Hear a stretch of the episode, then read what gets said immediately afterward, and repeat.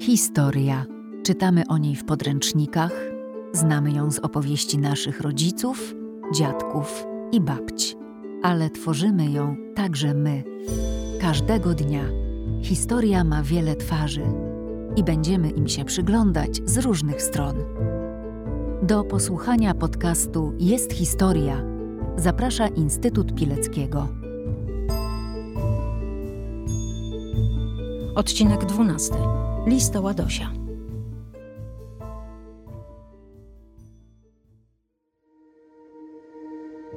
Garbiński Henryk, Częstochowa, urodzony w 1908 roku. Paszport Peru. Zginął. Grafinkiel Julian, Będzin, urodzony w 1897 roku. Paszport Hondurasu. Przeżył. Żurawin Lea, urodzona w 1921 roku. Poświadczenie obywatelstwa Hondurasu. Przeżyła.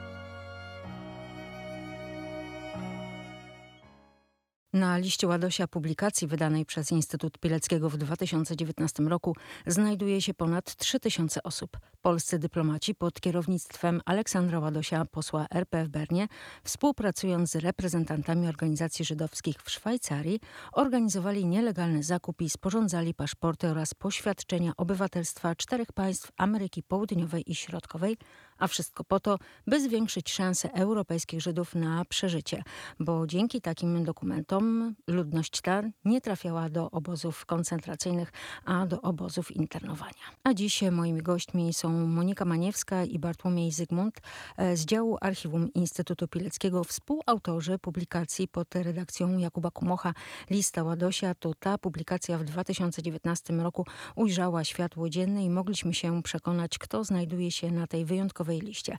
Rok 2021 został uznany przez Sejm rokiem Grupy Ładosia, czyli zanim o liście Ładosia, to przybliżmy sylwetkę tej właśnie osoby. Kim był Aleksander Ładoś? Aleksander Ładoś y, pełnił funkcję ambasadora w czasie II wojny światowej w Szwajcarii, w Bernie. I to on y, był osobą, która zadaniowała swoich pracowników interweniowała wtedy, kiedy było tego najbardziej potrzeba i dlatego naszą listę nazwaliśmy imieniem Aleksandra Ładosia bo on był kluczową postacią. Tak naprawdę bez jego zaangażowania i bez jego aprobaty cała akcja byłaby nieudana. Co najmniej od początków 1941 roku, ale w świetle najnowszych badań już wiemy, że e, paszporty były wystawione w 1940 roku, aż do końca 1943. Paszporty oraz poświadczenia obywatelstwa czterech państw Ameryki Południowej i Środkowej. To one miały pomóc w ratowaniu życia europejskim Żydom w czasie wojny. Powiedzcie proszę e, o kontekście historycznym tej całej sytuacji. Mamy czas wojny, mamy czas e, okrutnych prześladowań i kiedy Żydzi chcą opuścić Polskę, opuścić kraj okupowany, potrzebują jakichś dokumentów, które poświadczają, że nie są Polakami, ponieważ takie dokumenty pozwalały traktować ich jako osoby obce i takie osoby były przeznaczone do obozów internowania, do wymiany na Niemców internowanych w krajach alianckich. I dzięki temu można było uniknąć prześladowań i późniejszym etapie również śmierci. Oczywiście to wszystko było początkowo jako taka mrzonka. Nikt nie wierzył, że coś takiego się udaje i nikt nie ufał paszportom, ale przy pierwszych próbach okazało się, że Niemcy kierują te osoby do obozów osobów internowania i tam są dużo lepsze warunki niż w getcie i te osoby pisały informacje do kraju, mówiąc jak wygląda ich sytuacja na miejscu, że jest o niebo lepsza i że taki dokument naprawdę im pomaga i że czekają teraz na wymianę i wszyscy zakładali, że to będzie dobra droga i w taki sposób y, się uratuje, więc tworzono paszporty i starano się tych ludzi stworzyć y, obcokrajowcami. Jak natrafiliście na tę historię? Na grupę Ładosia, e, grupę berneńską wtedy tak zwaną, natrafiliśmy przez kilka artykułów, e, które były publikowane w 2017 roku.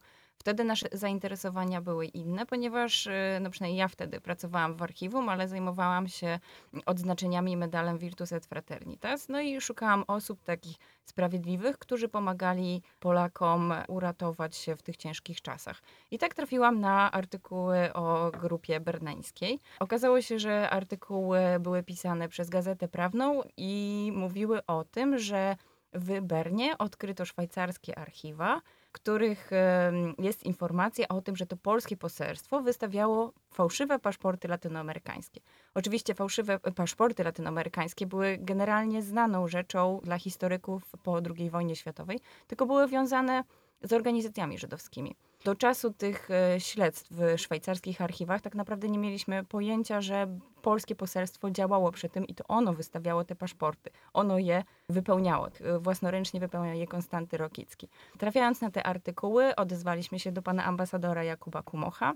Pojechaliśmy też do Szwajcarii i podczas rozmowy dowiedziałam się, że on sam trafił na ten temat, kiedy przy jednej z wizyt w ambasadzie ktoś powiedział, że to jest święte miejsce, ta ambasada, i opowiedział mu o jego poprzedniku Aleksandrze Ładosiu. I w taki sposób on zainteresował tą sprawą dziennikarzy w 2017 czy 2016 roku i oni zaczęli szukać, odkrywać te archiwa, które jeszcze wcześniej były tak naprawdę tajne, tak? Archiwa szwajcarskie dość niedawno temu zostały ujawnione i oni mogli do nich dotrzeć.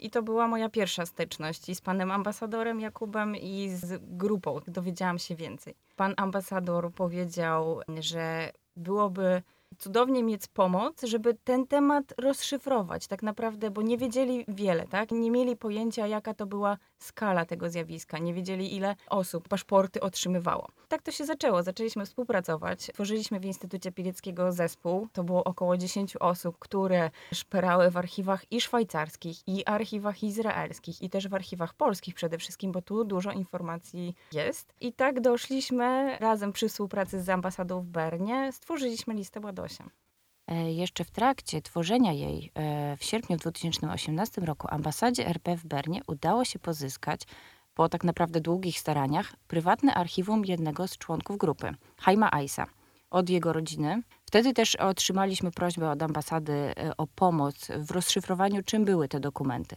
Zeskanowaliśmy je w Bernie i zaczęliśmy rozpracowywać. E, archiwum Majsa okazało się tak naprawdę niesamowitym źródłem informacji do całej listy Ładosia. E, tu odnaleźliśmy nowe nazwiska, e, nowe paszporty, a co najbardziej interesujące, to znaleźliśmy tam około 120 zdjęć osób, dla których paszporty miały zostać wystawione. Niestety ze względu na śmierć Haima Aisa w trakcie całej akcji paszportowej w listopadzie 1943 roku najprawdopodobniej no, nie udało się ich wystawić. Tu też w archiwum Aisa pomocna była korespondencja przysyłana do niego z prośbami o pomoc z terenów okupowanej Polski. E, przypomnę tylko, że Haim Ais był e, jednym z założycieli e, międzynarodowej organizacji Agudat Izrael. Zajmował się przemytem paszportów na teren okupowanej Polski, a także zbierał fundusze na całą akcję paszportową zbiór Agudy w Londynie, Nowym Jorku i Stambule. Archiwum AISA to kolekcja ponad 400 dokumentów e, z lat 1940-43. E, zostały one przekazane do Państwowego Muzeum Auschwitz-Birkenau, ale jest też możliwość e, zobaczenia jego w naszej czytelni Instytutu Pileckiego. Początkowo zrobiliśmy taką szybką kwerendę w archiwum Maknowych w poselstwie RP w Bernie, w zespole dotyczącym dokumentów placówki. I te dokumenty potwierdziły te informacje, do których dotarli dziennikarze w archiwach szwajcarskich, czyli mieliśmy dokładnie wypisane informacje na temat załatwiania paszportów, informacje na temat ratowania tych ludzi za pomocą paszportów, depesze między Londynem a Bernem, między Bernem a Nowym Jorkiem dotyczące tych spraw. Więc stwierdziliśmy, że jest gdzie szukać, jest co znaleźć, jest gdzie rozwinąć tą sytuację. No bo to jest zawsze pytanie dla archiwisty, czy jest w stanie coś znaleźć. Więc to było dla nas takie otwarte drzwi, które po prostu weszliśmy i zaczęliśmy wszystko dalej przeglądać, wyciągać to, co dla nas jest potrzebne dla, dla, dla badania. A jak przebiegała akcja paszportowa i co udało Wam się ustalić? cały schemat akcji paszportowej łatwo tak naprawdę opisać na paszporcie paragwajskim. Ambasada RP w Bernie mieściła się tak naprawdę 300 metrów od konsulatu Paragwaju, czyli stosunkowo niedaleko, na piechotę można przejść. Nasi polscy dyplomaci wiedzieli już wcześniej, że Rudolf Hugli sprzedaje i wizy, i paszporty. Tylko było to tak, że on sprzedawał po bardzo, bardzo różnych cenach te, wizy czy paszporty i nie chcieli, żeby to tak wyglądało. Wtedy spotkali się z Abrahamem Silbersheinem. Był to Konstanty Rokicki i Stefan Ryniewicz, o czym dowiadujemy się z zeznania Abrahama Silbersheina. I oni poprosili go o to, żeby on miał pieczę nad tymi paszportami taki sposób, żeby nie istniał czarny rynek paszportów. Żeby wszystkie ceny były uregulowane i wszystko szło przez poselstwo RP w Bernie. Dzięki temu tylko poselstwo RP w Bernie od konsula Rudolfa Hugliego mogło uzyskiwać czyste blankiety paszportowe. Sprzedawane były za tą samą cenę. Nikt inny nie mógł ich uzyskać. I tu zaczęła się ich wspólna działalność. E, tak naprawdę polscy dyplomaci z dwoma reprezentantami organizacji żydowskich. Był to Abraham Silbershein, o którym już wcześniej wspominałam, i Chaim Eis. Organizacje żydowskie wiedziały, komu potrzebna jest pomoc. I to one dostarczały te informacje poselstwu polskiemu one też miały fundusze na to. Zbierały te fundusze czy ze Stanów Zjednoczonych, czy z Palestyny, z różnych miejsc od organizacji żydowskich. One płaciły za te paszporty i dostarczały je też do poselstwa RP w Bernie. Polscy dyplomaci przechodzili te 300 metrów do Rudolfa Hugliego, który dawał im powiedzmy 10 czystych blankietów. Wracali do siebie do placówki. Tam Konstanty Rokicki wypełniał paszporty danymi osób, którym wiedział, że jest potrzebna pomoc. Paszporty trzeba było jeszcze poświadczyć, czyli nadać im stempel e, i musiał być podpis konsula. Więc wracali z powrotem do Rudolfa Hugliego, który ten podpis nadawał, stawiał pieczątkę i były różne metody wysyłki. Z tego względu, że niektóre paszporty wracały do poselstwa RP w Bernie i były przekazywane potem organizacjom żydowskim, czyli Abrahamowi Silbersheinowi czy Haimowi Aisowi, którzy mieli swoją siatkę i wiedzieli, w jaki sposób te paszporty mają trafić czy do okupowanej Polski, czy okupowanej Holandii, czy innych terenów okupowanych. Ale niektóre paszporty były wysyłane bezpośrednio przez pocztę dyplomatyczną przez Rudolfa Hugliego. Tak wyglądał ten schemat paszportowy. Co jest jeszcze ważne, Organizacje żydowskie, żeby pozyskać pieniądze, musiały się skontaktować ze Stanami Zjednoczonymi i diasporą amerykańską, żydowską tam w Ameryce. Umożliwił to Aleksander Ładoś. Aleksander Ładoś udostępnił szyfry dyplomatyczne organizacjom żydowskim. Dzięki temu informacja o Holokauście, która do Szwajcarii docierała, była przesyłana dalej do Stanów Zjednoczonych. Dzięki temu można było poinformować o potrzebach czy to potrzebach materialnych, czy braku funduszy. I w taki też sposób organizacje żydowskie w Ameryce przysyłały informacje tutaj do Szwajcarii. I fundusze, i informacje, komu, na, komu trzeba pomóc w tym momencie, no i dla kogo przysyłają właśnie fundusze. Listy o pomoc z okupowanej Europy szły wszędzie, gdzie ktoś miał rodzinę, czy w Stanach Zjednoczonych, czy w Palestynie, czy w Anglii, czy w Szwajcarii. Wysyłał tą kartkę, list prosząc o pomoc. I stąd czasami ze Stanów Zjednoczonych dostawała placówka informację, że taka osoba potrzebuje pomocy, ponieważ ona miała jednego krewnego gdzieś w Stanach i tam wysłała ten list, bo nie wiedziała do kogo wysłać, gdzie wysłać, do kogo się zwrócić. Więc czasami te listy o pomoc szły okrężną drogą i trafiały z powrotem do placówki w różny sposób. Od organizacji żydowskich albo poprzez szyfry, tak jak przed chwilą wspomniała Monika. Od czego zaczęliście swoją pracę? Zaczęliśmy od paszportów właśnie, czyli jak odnaleźliśmy oryginalny paszport, to wiedzieliśmy, że powinniśmy tę osobę wpisać na listę osób, która paszport otrzymała, czy tam dla której został stworzony. Tylko chyba ważna informacja, że na tym paszporcie często było kilka osób, tak? To, tak. to też powiedzmy może, jak wyglądały te paszporty. Paszporty tak. nie wyglądały tak jak dzisiejsze paszporty. To są ogromne dokumenty formatu A3 składanego. Są na nich zdjęcia. Najczęściej na paszporcie występuje cała rodzina, a nie jedna osoba. Wszystkie osoby są wypisane, są dane osobowe, bo mówimy tutaj o e, paszportach Paragwaju. Podpisany jest Rudolf Hugli, czyli honorowy konsul Paragwaju. Z drugiej strony jakby otwiera się kartkę, jest poświadczenie notarialne samego paszportu mniej więcej wygląda. I od tego zaczęliśmy. Zbieraliśmy te paszporty. Tych paszportów było sporo, jak na pierwszy rzut, bo tam znaleźliśmy ich pierwsze 50 i byliśmy zaskoczeni, że z tych 50 paszportów wychodzi nam lista osób około 100, no bo na paszporcie, jak wiadomo, jest cała rodzina, a nie jedna osoba. A potem zaczęliśmy odkrywać dalej archiwa i tutaj e, znaleźliśmy archiwum prywatne Abrahama Silberscheina e, w Jadwaszem, które jest e, dostępne online. I to w nim e, znaleźliśmy najcenniejsze informacje, poza szwajcarskimi archiwami, dotyczące listy Ładosia. On stworzył własne notatki, na których wpisywał informacje o danej osobie, danej osobowe, z jaką ilością osób w rodzinie, gdzie wysyłał paszport, przez kogo i data. I ewentualnie pisał, czy jest to paszport, czy poświadczenie obywatelstwa. I tych notatek było naprawdę bardzo dużo. To jest yy, bardzo dużo jednostek archiwalnych do przejrzenia. I bardzo dużo to znaczy ile? Mniej 300 więcej. jednostek archiwalnych, gdzie każda to jest yy, powiedzmy 300 do 1000 stron, więc trochę tego jest.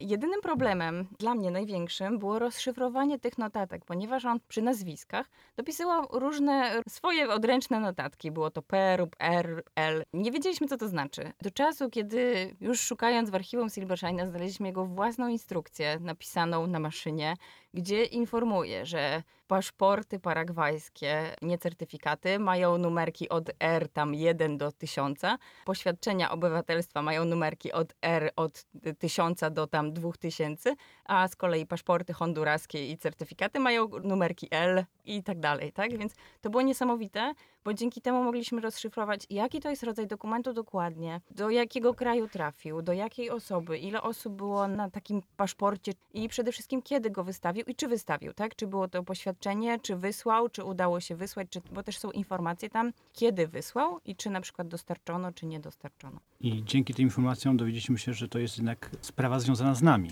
bo przecież przeglądając dokumenty i mając sam dokument, musimy w jakiś sposób go powiązać z Ładosiem, z placówką, z tą całą sytuacją, więc czasami nie widzieliśmy przed instrukcją, czy to na pewno jest to, co powinniśmy mieć, więc badaliśmy to, ale instrukcja nam rozjaśniła wszystko i dzięki niej mogliśmy, że tak powiem, zaakceptować te znaleziska. Prace nad listą Ładosia nieustannie trwają. Kwerendy prowadzone są nie tylko w Polsce, ale przede wszystkim też e, za granicą. Od e, ponad dwóch lat, kiedy zaczęliście pracę nad tą listą, co się zmieniło? Bo na początku wasze badania e, przebiegały w takim kontekście ilościowym, aby spisać te wszystkie osoby, znaleźć, zweryfikować. Natomiast teraz, kiedy już dostęp do tych paszportów został w jakiś sposób ograniczony, bo już wszystkie źródła dostępne dostępne na tę chwilę e, zostały wyeksploatowane, to co teraz się dzieje? Jak teraz przebiegają te badania i czego szukacie? Pierwszej kolejności najważniejsze informacje dla nas to było, czy dana osoba przeżyła wojnę, czy nie przeżyła, tak?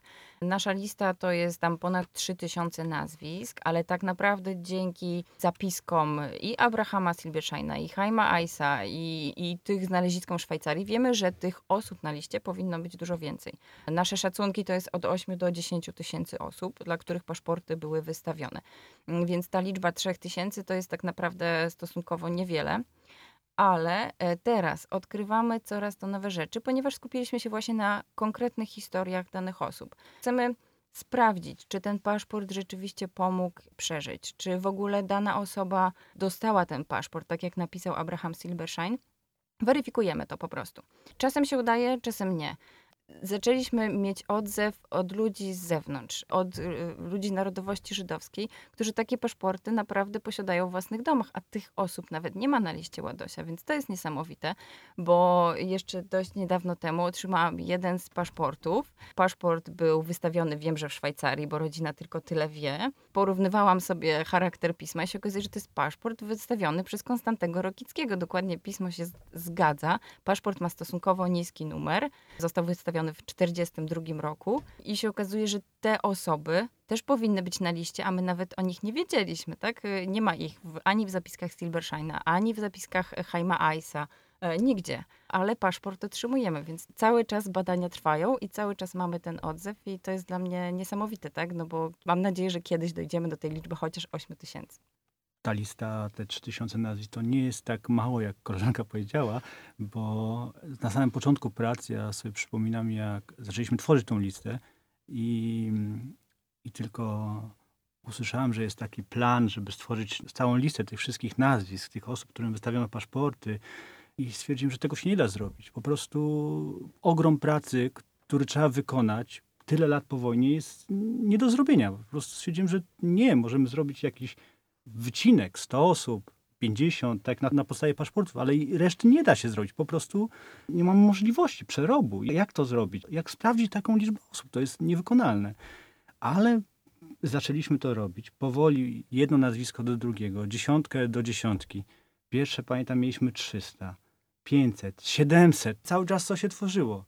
I doszliśmy do ponad 3200 nazwisk. To jest ogrom pracy. Do tej pory nie jestem w stanie sobie wyobrazić, jak ktokolwiek byłby w stanie to zrobić bez zespołu, bez y, sprawdzania w różnych archiwach.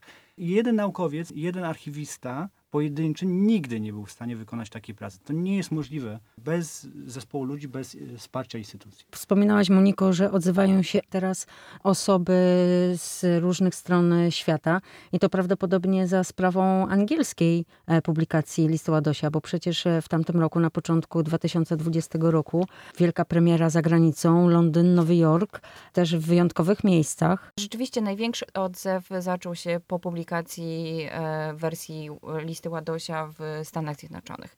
Tutaj też otrzymaliśmy pomoc od wielu współpracowników, czy to ze Stanów, czy z Izraela, czy właśnie z Szwajcarii. Oni też tak naprawdę od początku współpracowali i z ambasadorem, i z nami nad tworzeniem listy Ładosia, gdzie tylko odnajdywali jakiś ślad w jakichś wspomnieniach, to po prostu tylko nas informowali, że może warto zajrzeć w historię tej osoby, może gdzieś tu są dokumenty i może jest tym paszport, tak? I może on tam był. To się sprawdzało. Może nie zawsze. Ciężko jest dotrzeć po tak, rzeczywiście po takim okresie czasu do całej historii osoby, jeżeli nie została przeprowadzona notacja, czy nie, nie zostawiła po sobie wspomnień, ale czasem się to udaje. Oprócz instytucji zaangażowanych w badaniach, tak jak wspominaliście, są też inne osoby, jak na przykład Markus Blechner, konsul honorowy RP w Szwajcarii. Tak, to prawda. Markus Blechner, który współpracuje z nami tak naprawdę od początku e, listy Ładosia i jest jednym z odkrywców w ogóle tematu. Markus Blechner mieszka w Szwajcarii. On też dowiedział się niedawno nowej rzeczy. Otrzymał dokument od e, Jakuba Kumocha, znaleziony w archiwum Silbersheina. I to jest właśnie jedna z tych list e, Abrahama Silbersheina z jego odręcznymi notatkami, na których wymieniony jest jego ojciec. Posłuchajmy, jak Markus Blechner, konsul honorowy RP w Zurichu, opowiada o historii, o której dowiedział się i która dotyczy jego rodziny. Nagranie pochodzi z materiału Marleny Płaski, emitowanego na antenie Polskiego Radia Kielce w 2019 roku. First of all, I did not know that my father was Przede wszystkim nie wiedziałem, że mój ojciec w ogóle brał udział w akcji pozyskiwania paszportów w Paragwaju. Nikt spośród moich krewnych o tym nie wiedział.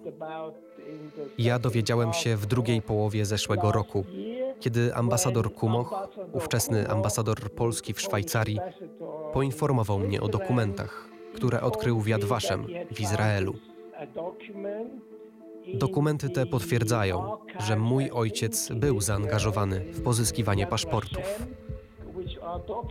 Ambasador Kumoch zapytał, czy Jakob Blechner to mój krewny. To mój ojciec, odpowiedziałem. Wtedy usłyszałem o sprawie po raz pierwszy. Ojciec musiał utrzymywać wszystko w ścisłej tajemnicy, nawet przed moją matką, ponieważ jego działalność była nielegalna. Sam miał w Szwajcarii status uchodźcy. Groziła mu za to deportacja. Deportowana mogła zostać cała rodzina, łącznie ze mną.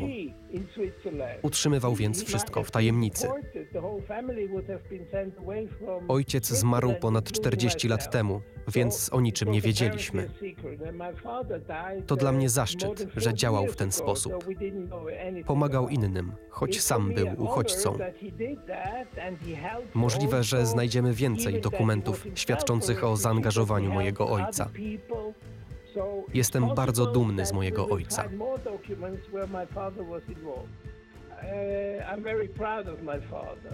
Czy udało Wam się dotrzeć i zweryfikować te dane, e, kto mm, skorzystał z tych paszportów. To, że ktoś otrzymał paszport, to nie było jednoznaczne, że ten paszport dotarł do tej osoby. I czy to mm, też udało Wam się w jakiś sposób zweryfikować? To jest praca na lata, żeby poznać każdą historię i tak naprawdę nie ma szans na dokończenie jej po takim okresie. Więc los nieznany na liście Ładosia pozostanie pewnie e, na zawsze, ale coraz więcej takich historii odkrywamy. Są różne przypadki, gdzie początkowo na liście Ładosia zaczęliśmy sprawdzać te losy i okazywało się, że coraz więcej bardzo znanych osób się tam pojawia, znaczy bardzo znanych nawet w dzisiejszym czasie, których rodzice byli na liście Ładosia. I to nam dało na możliwości. Przykład? Na przykład e, tutaj e, Instytut Pileckiego przy wydawaniu publikacji w Londynie trafił do bardzo znanej Wiener Library w Londynie. To jest taka instytucja zbierająca dokumenty o Holokauście, założona przez Alfreda Wienera. Alfred Wiener jeszcze przed wojną tak naprawdę zbierał dokumentację przeciwko nazistom. Później wyemigrował z Niemiec, przeniósł się do Wielkiej Brytanii. W Wielkiej Brytanii dalej kontynuował swoją pracę i te wszystkie dokumenty, które on zbierał i zebrał, są właśnie w tej instytucji. Co się okazało? Rodzina Alfreda Wienera otrzymała paszporty paragwajskie. Jego żona Margaret trafiła razem z trójką córek dzięki paszportowi do obozu internowania. Czyli nie trafiła do obozu zagłady, tylko trafiła do Bergen-Belsen, z którego została wymieniona razem z córkami za Niemców internowanych na zachodzie. Wojnę przeżyli, niestety Margaret była schorowana i zmarła od razu po wyzwoleniu, ale córki przeżyły i e, dzięki temu poznaliśmy wnuka Lorda Finkelsteina, e, który na, mm, na naszej promocji e, publikacji w Vienna Library był obecny i też opowiadał właśnie swoją historię.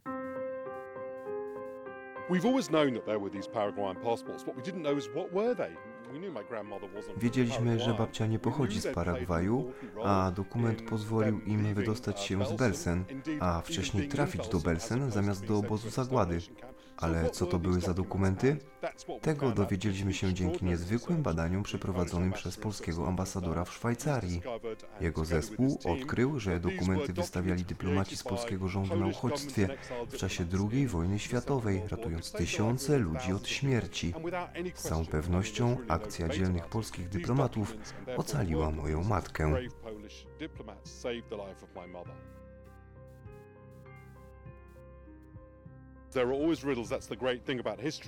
Historia zawsze stawia przed nami wiele zagadek. Wielką zagadką jest to, za co naziści byli skłonni się wymienić. Moja matka uczestniczyła w wymianie, która objęła tylko kilkadziesiąt osób. Co naziści otrzymali w zamian? Tego nie wiemy. Nie wiemy też, jak paszporty trafiły do rąk moich krewnych. Chcemy wiedzieć więcej o tych kwestiach. Na bazie tej kluczowej informacji o działaniach polskich dyplomatów i ludziach zaangażowanych w operację na pewno znajdziemy więcej odpowiedzi. Sekret już znamy, teraz trzeba złożyć układankę w całość. What has previously been a mystery is now merely a puzzle. Drugą taką historią jest historia rodziny Heidi Fishman. Heidi Fishman jest osobą, która zaczęła badać losy swojej rodziny, swojej mamy, ponieważ jej mama miała paszport paragwajski.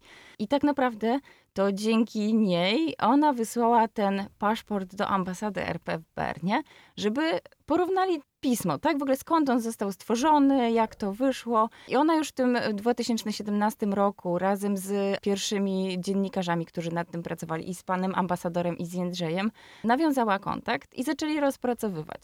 I wtedy właśnie dzięki jej staraniom, ona wysłała ten oryginalny paszport, porównano charakter pisma z tego paszportu. Okazało się wtedy właśnie, że to jest Konstanty Rokicki, który wypełniał paszporty. Heidi Fishman była z nami obecna przy publikacji listy Ładosia w Stanach Zjednoczonych w Connecticut wraz z jej mamą, która na paszporcie była małą dziewczynką i jest na tym zdjęciu.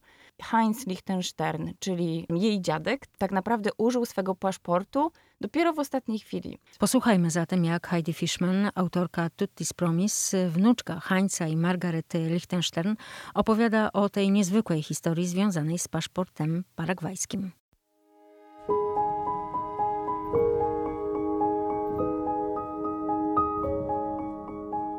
My great grandfather kept a diary and he talked about this and my mother has vivid Mój pradziadek prowadził pamiętnik i opowiadał o tym. Moja mama także dobrze pamięta tę historię. Opowiadał, że pojawiło się ogłoszenie. Następnego dnia odbędzie się transport do Rzeszy, który zabierze wszystkich mężczyzn w wieku od 16 do 55 lat. Wiecie, kto jest na liście. Mój dziadek był świadomy, że następnego dnia go wywiozą. Moja mama pamięta, że leżała na swoim sienniku, kiedy mój dziadek przyszedł, położył się koło niej na pryczy, pożegnał się i powiedział, że już więcej się nie zobaczą. Wiedział, że czeka go śmierć, więc żegnał się ze swoimi dziećmi. To musiał być okropny moment. Następnego dnia zgłosił się do transportu i kiedy czekał na odjazd w grupie 2500 mężczyzn, jego znajomy powiedział – Przecież masz paszport, czas go wykorzystać, zrób to, nie bądź głupi. Myślę, że dziadek spisał ten paszport na straty po tym, jak nie ocalił go ani przed wywózką do Terezinstadt, ani do Westerborka. Nie wiem, kiedy dokładnie otrzymał paszport, kiedy dokument znalazł się w jego rękach, ale nie uchronił go przed całą serią transportów. Ktoś jednak przekonał dziadka, żeby spróbował – Pokazał dokument jakiemuś hitlerowcowi, od którego otrzymał potem malutki skrawek papieru. Moja babcia przechowywała go potem do końca życia. Teraz mam go ja. Jedna linijka tekstu na cieniutkim papierze maszynowym z napisem Ausgeschieden, czyli wycofany, z nazwiskiem dziadka, jego datą urodzenia i numerem obozowym. Tego dnia uniknął wywózki do Auschwitz.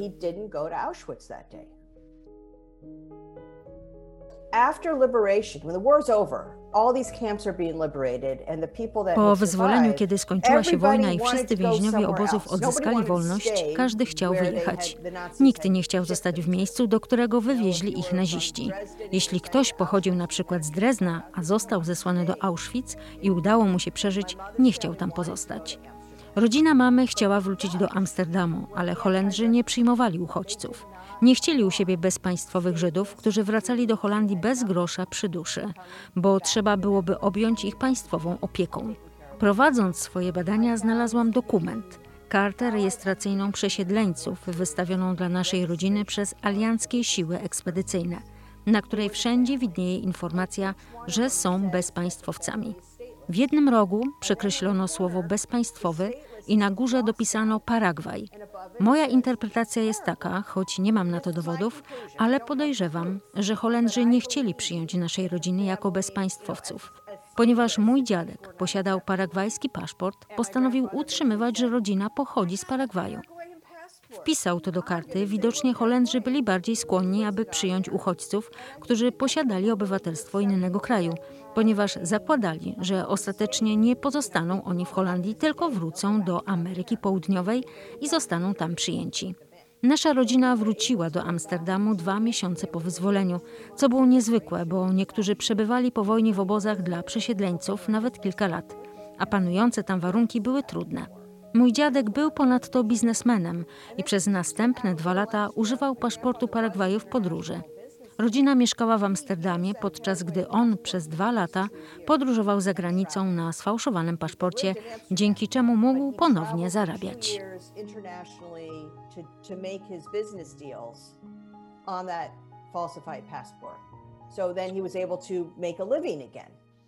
When I was a child and I'd ask my mom, kiedy jako dziecko pytałam mamę, jak naszej rodzinie udało się przetrwać, odpowiadała zawsze: Mieliśmy paragwajski paszport i status więźniów politycznych, a nie bezpaństwowych Żydów.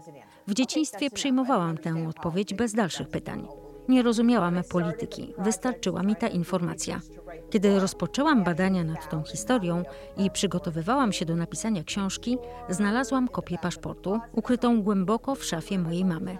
Mam jego kopię pod koniec 2017 roku, już po tym, jak opublikowałam swoją książkę, mama pokazała mi artykuł na temat Juliusza Kühla, autorstwa kanadyjskiego dziennikarza Marka McKinnona. Artykuł dotyczył operacji paszportowej i przedstawił ją jako ukierunkowaną na pomoc polskim Żydom w Warszawie i gettach w Polsce. Do artykułu dołączono zdjęcie paszportu, który wyglądał dokładnie tak samo jak dokument należący do mojego dziadka. Ten sam charakter pisma i podpis. Napisałam Markowi McKenninowi, że mój dziadek nie przebywał w Polsce, ale w Amsterdamie i że także ma podobny paszport, który ocalił mu życie. Zapytałam, czy to możliwe, że ta grupa dyplomatów próbowała ocalić także Żydów w Europie Zachodniej. Mark McKinnon nie odpisał. Nie otrzymałam od niego odpowiedzi, ale przekazał mój e-mail ambasadorowi Kumochowi, który potem zwrócił się do mnie. Zaczęliśmy łączyć jedno z drugim, podejrzewając, że grupa Ładosia pomagała nie tylko polskim Żydom, ale także Żydom z innych miejsc Europy. Charakter pisma na wszystkich dokumentach był ten sam. Niektóre paszporty trafiły do Holandii, inne do Francji. Najwięcej trafiło do Polski, ale dokumenty dotarły również na zachód. Some were going to Holland, some were going to France, some were going, most were going to Poland, but then they went west too. Obecnie jak ktoś się do nas odzywa w związku z tym, że gdzieś znalazł paszport lub jego rodzina była na paszporcie lub ma jakąś informację, to zwykle to są pozytywne historie, ponieważ jeśli już ma paszport i to osoba zwykle z zagranicy, to znaczy, że uratowała się, że czasami ten paszport miał znaczenie, czasami po prostu był otrzymany, ale to są w większości pozytywne historie, ponieważ jeśli ktoś zginął i z całą rodziną, no to ciężej, że tak powiem, dotrzeć do takich informacji. To musiałby ktoś dalszej rodziny nam taką informację przekazać i to się rzadziej zdarza, ale zwykle to są pozytywne obecnie historie osób, które w jakiś sposób dzięki paszportowi, dzięki pomocy Aleksandra Ładosia i grupy e, Ładosia i uratowały się. Tak, tylko to dotyczy raczej Holendrów i Niemców to nie dotyczy Polaków. Naprawdę do tej pory udało nam się dotrzeć do jednej osoby pochodzenia polskiego, która taki paszport miała wystawiony, którą udało się porozmawiać. To jest do tej pory jedna osoba, Rywka Telner. Ona nie użyła tego paszportu. Bo nigdy do niej nie dotarł. Dokładnie. I Mimo wszystko jest tu oczywiście bardzo szczęśliwa historia. Ona została uratowana przez polską rodzinę, ale no nie natrafiliśmy jeszcze na takie szczęśliwe historie dotyczące Polaków z paszportami. Co dalej z tą listą Ładosia? Co u was e, się dzieje e, z pracami nad nią? Teraz staramy się rozszerzyć wszystkie historie osób, których mamy na liście Ładosia. Po prostu przeglądamy ponownie wszystkie dokumenty dotyczące każdej osoby staramy się rozszerzyć tą historię, znaleźć coś nowego, jeśli będzie. Cały czas czekamy oczywiście na kontakty osób z całego świata, które w jakiś sposób z paszportami miały do czynienia. Grono różnych badaczy z zagranicy, badaczy Holokaustu, które natrafiają na jakieś historie, oczywiście przekazuje nam takie informacje, mamy kontakt z paroma historykami, amatorami, profesjonalistami, którzy badają. Oczywiście dopisujemy sobie cały czas te nazwiska, tworzymy tą, uaktualniamy listę i jak będziemy mieli więcej informacji, to nie będziemy dawać znać. Szykujemy się e, na to, żeby te informacje wszystkie i o liście Ładosia, i o całej grupie Ładosia były dostępne dla każdego. Więc y, szykujemy zmianę naszej strony Paszporty Życia, która jest y, na razie stroną, gdzie poszukujemy losów niektórych osób, których zdjęcia tylko mamy. I planujemy tam ukazanie całej listy, każdej osoby z listy i tych informacji, które już mamy. Być może to pozwoli nam dotrzeć do jeszcze szerszego grona, gdyż stronka jest planowana w trzech językach. Będzie to oczywiście język polski, język angielski i język niemiecki. Ponadto prowadzimy w Czechach kwerendę na temat osób narodowości czechosłowackiej i tu czekamy na wyniki. Ponadto udało nam się rozpocząć kwerendy w Holandii w archiwach. Więc mamy nadzieję, że uda nam się poszerzyć całą listę i otrzymać więcej informacji, w jaki sposób te paszporty tam trafiały, kto je przejmował, jakie organizacje tam nimi dysponowały, tak, żydowskie, bo to na pewno były one. I kryliśmy niedawno kontakt do osoby z Antwerpii, która jest nam bardzo pomocna. Dała nam na miarę na kilka rodzin, które były w posiadaniu paszportu paragwajskiego. Się okazuje, że żadna z tych osób nie jest na liście Ładosia i mamy nadzieję je po prostu dopisać do listy. Tak jak wspominałam, dostaliśmy już dwa paszporty i to na pewno są paszporty stworzone ręką Konstantego Rokickiego. Czyli tak jak e, słyszę, e, prace nieustannie trwają i chyba to jest taka praca niekończąca się tak wygląda. Jest to na pierwszy rzut oka praca niewykonalna. Dopiero kiedy zaczynamy nad nią pracować, to nabiera kształtów, więc już nabrała kształtów, ale cały czas prace trwają. Lista Ładosia, publikacja pod e, redakcją Jakuba Kumocha. Współautorami są Monika Maniewska, Jędrzej Uszyński i Bartłomiej Zygmunt. E, dziękuję. Dziękujemy. Dziękuję bardzo. Hurwicz Natan, Brno, urodzony w 1891. Paszport Paragwaju. Zginął. Bierzwińska Ida Sara, Będzin, urodzona w 1916. Paszport Hondurasu. Los nieznany. Ziegel Aleksander, Amsterdam, urodzony w 1924. Paszport Paragwaju. Przeżył.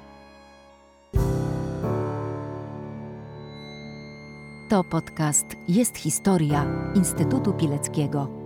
Zapraszamy do wysłuchania kolejnego odcinka.